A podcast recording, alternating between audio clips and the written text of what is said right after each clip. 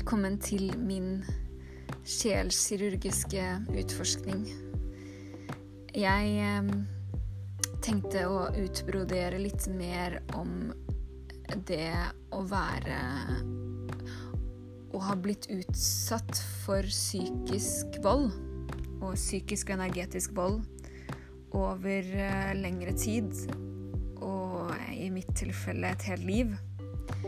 I ja 30, nesten 30 år.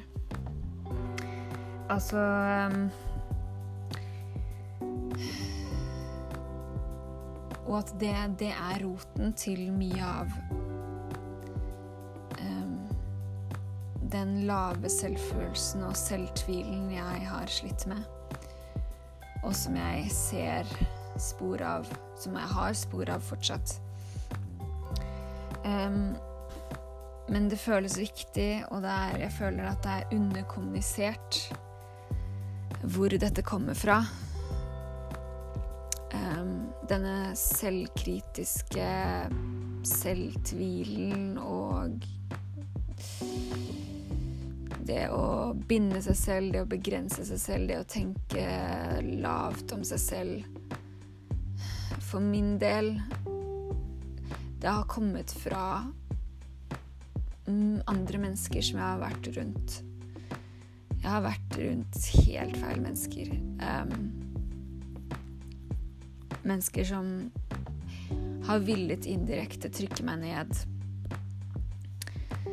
Um, på ulike snikende måter, eller på direkte måter. Og det begynte jo også fra veldig tidlig, tidlig fra, fra jeg var barn.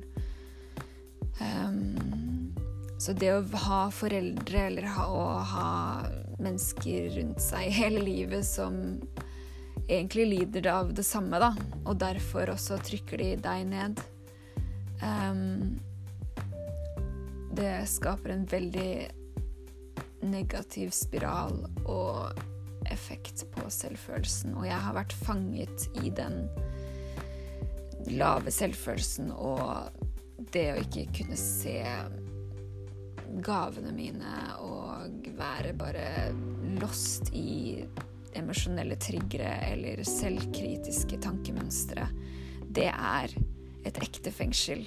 Selv om det ikke er fysisk, men det er faen meg et ekte fengsel. Og veldig mange er i dette fengselet hele livet. Fordi de tror at det er sånn livet skal være. Men også fordi det er jævlig vanskelig å dra seg selv ut av det. Og det er ikke mainstream i vår kultur å ta tak i sånne ting. Mindfulness er ikke Det begynner å bli, det begynner å bli mainstream nå, men ja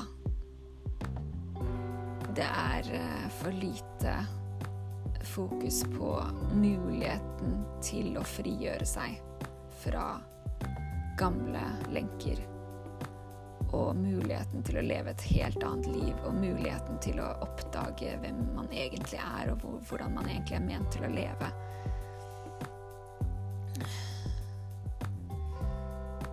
Så Og emosjonell og psykisk vold er så ekstremt vanlig, og det, det, det ødelegger livet til mennesker. Det har Altså på en snikende måte så kan man gå rundt i en grå sky og ikke vite det engang.